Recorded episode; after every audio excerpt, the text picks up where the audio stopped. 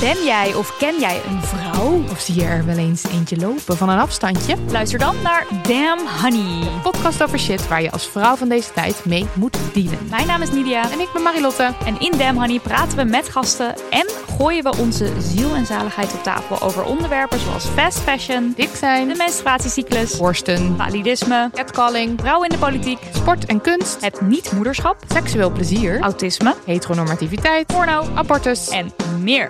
Elke zaterdag in je podcastfeed.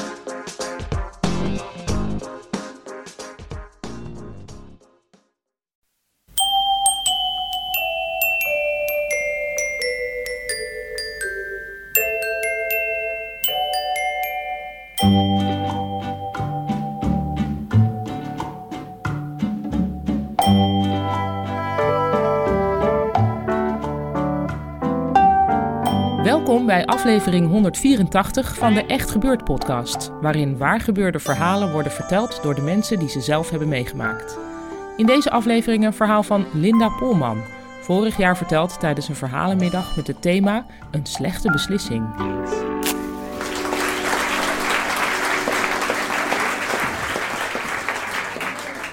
Uh, dit verhaal speelt zo rond het jaar 2000. En ik was in Liberia, in West-Afrika, in de hoofdstad Monrovia. Maar ik wilde naar Sierra Leone, want daar was de oorlog en daar wilde ik over schrijven. Dus ik heb een ticket gekocht, het ging allemaal goed. Het vliegtuig kwam dus niet. Um, en niemand wist ook wanneer er wel een vliegtuig zou komen. Dus ik, dacht, ik had het wel vaker meegemaakt in Afrika. Ik dacht van nou nee, laat maar, dat wordt helemaal niks. Ik ga wel met het openbaar vervoer. En dus met, gewoon met een bus. Um, maar ik wist ook wel dat, dat, niet, dat ik dan niet van Monrovia naar Freetown kon. Freetown is de hoofdstad van Sierra Leone. Ik zou dan via het binnenland van Sierra Leone moeten, want de weg, de directe weg tussen de hoofdstad van Liberia en de hoofdstad van Sierra Leone, die was of weg of, of, of hij, hij was te gevaarlijk. In ieder geval, er ging geen, er ging geen vervoer over die weg heen. Dus ik zou via het binnenland gaan, via een stadje en dat heet Bo. En toen ben ik een beetje rond gaan vragen, zo in Monrovia, van ja, god, hoe ver is dat Bo en kan ik daar wel komen met een bus? Nou, iedereen knikken, dat ging allemaal heel goed. Het was een ritje van een uur of drie, zeiden mensen, hooguit drieënhalf uur. Dus gaat u maar lekker met de bus naar Bo. Nou, inderdaad, drieënhalf uur, vier uur later, um, reed de bus Bo binnen. En ik dacht nog van, nou, ik neem een vroege start, dan ben ik voor de lunch ben ik in Bo. Dat was dus inderdaad zo. Ik was daar wel voor de lunch, maar ik zag daar boven het politiebureau nog steeds de vlag van Liberia wapperen. Ik dacht hoe kan dat nou? Ik hoor nu in Sierra Leone te zijn. Toen bleken er dus twee bo's te bestaan. Eén bo aan de grens met Sierra Leone en één bo nog vrij ver het binnenland van Sierra Leone in. En ik vroeg aan mensen van hoe ver is dat dan? En toen zeiden ze, nou, het is een little bit very, very far away. maar goed, ik stond daar en ik dacht, ja, ik ga toch niet terug naar Monrovia om daar op dat stomme vliegtuig te wachten. Ik zet door, ik, ik ga gewoon verder en ik zie wel waar, ik, waar het schip strandt. Dus ik moest die grens over. Nou, die grens, dat was dan een rivier. En die kon ik oversteken met een een of andere stuk geschoten brug. En uh, ik moest daar een kind inhuren bij die brug, een kind met een kruiwagen. En die moest dan mijn koffer zo die brug overduwen. En ik kwam aan de overkant en daar stond een hutje. Een hutje van bamboepalen en met een rieten dakje erop. En ik kijk zo in dat hutje, liggen daar twee mannen te slapen. Met allemaal kralenkettingen en schelpenkettingen om hun nek. En tussen hun in een grote koker met pijlen daarin. En toen wist ik dat zijn Camajors. En Camajors, dat was uh, een van de strijdende partijen in Sierra Leone. En dat waren onoverwinnelijke krijgers. Die waren namelijk onsterfelijk. Um, daar kon je een hele, dat had, had, die waren heel erg beroemd ook in West-Afrika. Um, dus ik kende ze al, ik had al over ze gehoord in Liberia. Daar kon je een heel machinegeweer op leeg schieten. En dan zat er nog steeds geen scheurtje, geen barsje in. Dus ik voelde me daar wel veilig. Zo van, nou, die, iedereen is zo bang voor die Camajors. Waar een Camajor is, daar zijn geen rebellen. Dus uh, ik heb die mannen wakker gemaakt. En ze werden ook inderdaad wakker. Oh, zulke grote ogen, wat deed die mevrouw daar? Um, en toen uh, zeiden ze van, nou mevrouw, neemt u even plaats onder die boom daar. En dan gaan wij voor u een oplossing bedenken. Want uh, er is hier al in geen jaren een bus geweest. Dus wij gaan bespreken hoe wij u naar Bo kunnen krijgen. Er kwamen steeds meer mensen bij. Waar ze vandaan kwamen, weet ik niet. Maar het werd een enorme opgewonden discussie. Maar ik nog steeds heel relaxed, want in Afrika gaat het eigenlijk altijd goed. Hè? Er is een enorme paniek en dan denk je van, oh, ik zit helemaal vast. Maar er komt altijd weer een oplossing. Dan is er of rijdt er opeens een taxi voor, of er komt iemand en die zegt, uh, je kunt uh, bij mij komen slapen. Of ze komen met uh, een gebraden kip aan, weet je wel. Er is altijd wel een oplossing. Dus ik zat daar heel erg ontspannen. En inderdaad, na een uur of zo rijdt er een, een, een brommer voor. Um, een soort, ik denk dat het een Kawasaki is geweest. Ik heb ooit een vriendje gehad en die had een Kawasaki. En daar zat dan zo'n zo'n zo'n benzinetank zo tussen die man zijn benen, weet je wel. En uh, die man die was, uh, was ook helemaal op de, op de reis gekleed. Hij had een, een babyblauw skipak aan. en dat was zo'n, zo'n, ja je zou het nu een onesie noemen of zo, met zo'n rits. maar wel vol met gaten. En dan had hij teenslippers onder en op zijn hoofd had hij een helm. Nou, ik moest achterop gaan zitten. En uh, nou, mijn tas werd op mijn, op mijn rug vastgebonden. En toen kreeg ik ook een helm op, maar dat was dus een wokpan. En die werd zo om mijn hoofd heen gebonden. Nou, toen hung hung gingen we op weg. En na een paar honderd meter houdt de weg op. Die was, die was er niet meer. En dan moet u weten dat in Sierra Leone ongeveer 3 meter regen per jaar valt. Hè? Dus als er daar geen asfalt ligt, en dat was er na die oorlog, was het er al helemaal niet meer. En nu is het er nog steeds maar heel weinig. Maar dan wordt het dus één grote blubberpoel. En wij op die Kawasaki, die blubber in zeg. En dan. En, en nu en dan kwam een auto tegen en die was in die blubber weggezakt. Tot en met, tot en met de portierramen aan toe. En we reden door, door poelen waar hele grote kikkers in rondsprongen. En we reden door groepen kwakende eenden. En slalommend tussen allerlei mangobomen in. Dus ik was er al niet blij mee. Hobbel, hobbel, hobbel, pan, pan, pan, weet je wel. Maar het ergste was nog dat we om de paar kilometer kwamen een wegbarricade tegen. En ik wist helemaal niet wie die barricades bemande, want het was een hele onoverzichtelijke oorlogssituatie, waarin heel veel partijen tegen elkaar streden. Er waren wegbarricades die werden bemand door kinderen. Nou, dat viel me wel mee. Die gingen dan ergens.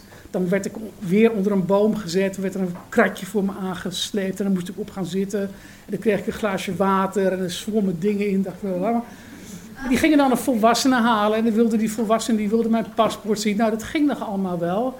Maar er waren ook wegbarricades waar nou, overduidelijk niet pluizen meneren stonden.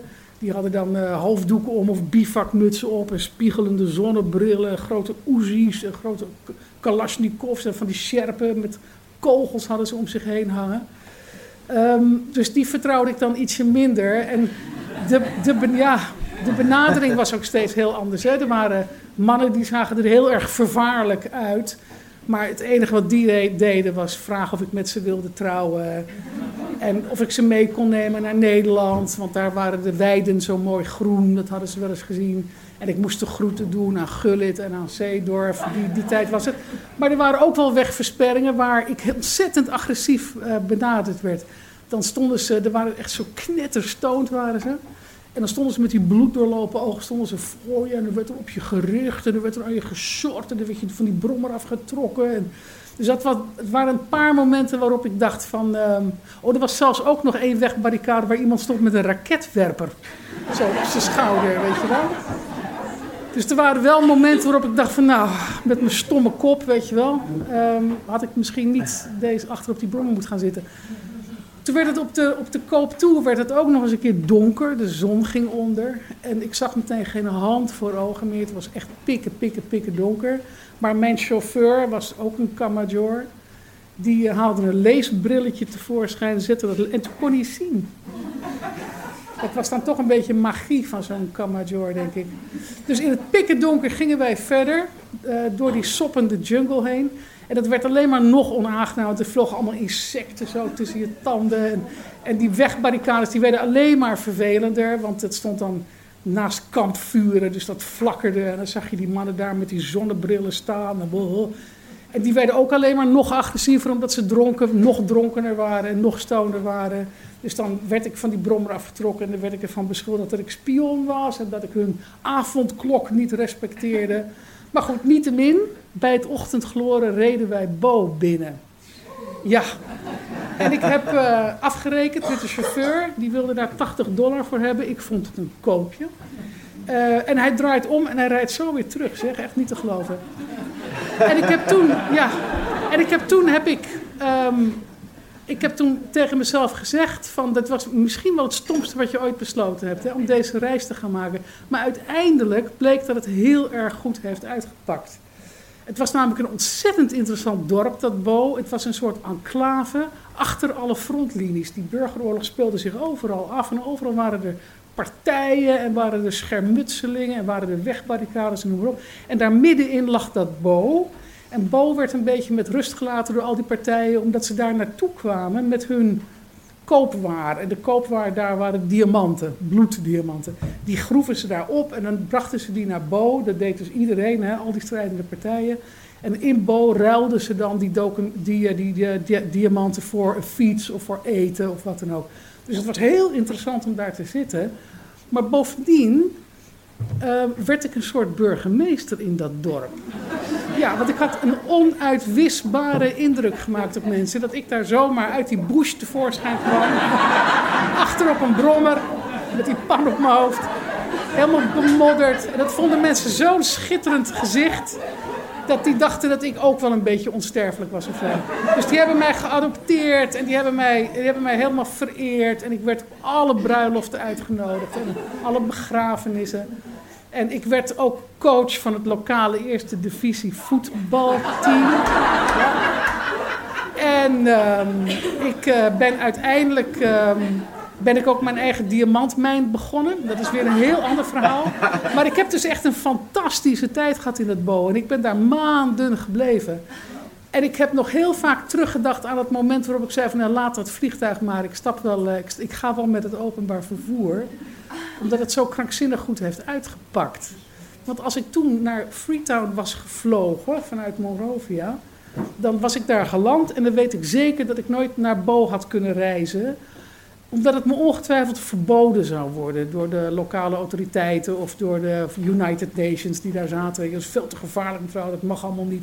daar kunnen we geen vergunning voor geven. Dus die zouden me dat waarschijnlijk verboden hebben. En ik zou dan nooit bij Bo gekomen zijn. En ik heb dus toch wel aan mijn eigen stommiteit.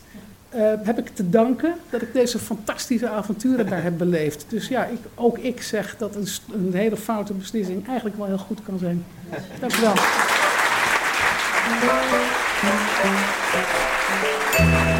Dat was het verhaal van Linda Polman.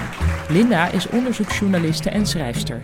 Het verhaal over haar eigen diamantmijn in Sierra Leone vertelde ze ook ooit bij Echt Gebeurd. En dat is nog te beluisteren als aflevering 35 van deze podcast. De Echt Gebeurd verhalenmiddagen vinden elke derde zondag van de maand plaats in Toemler, de comedyclub onder het Hilton Hotel in Amsterdam. En de volgende editie is op 17 februari met verhalen rond het thema sprookjes. Op 17 maart is het thema Bij mij in de straat. Op 21 april is het thema Een goede daad. En op 19 mei gaan de verhalen over dieren. Heb jij een verhaal dat op de een of andere manier bij die thema's aansluit? Of een ander goed verhaal dat je graag eens voor het publiek wilt vertellen? Geef je dan op als verteller via onze website www.echtgebeurd.net. Als je verhaal geschikt is, word je in de aanloop naar je optreden in Toemler begeleid door een van onze redacteuren. De Echt Gebeurd redactie bestaat uit Miga Wertheim, Rosa van Toledo, Maarten Westerveen en mijzelf, Paulien Cornelissen. Productie wordt gedaan door Eva Zwaving, techniek is van Nicolaas Vrijman en de podcast wordt gemaakt door Gijsbert van der Wal. Dit was aflevering 184. Dank voor het luisteren. En je weet het hè, altijd met het OV reizen. Maar neem dan wel je eigen wokpan mee. Die zit toch het lekkerst.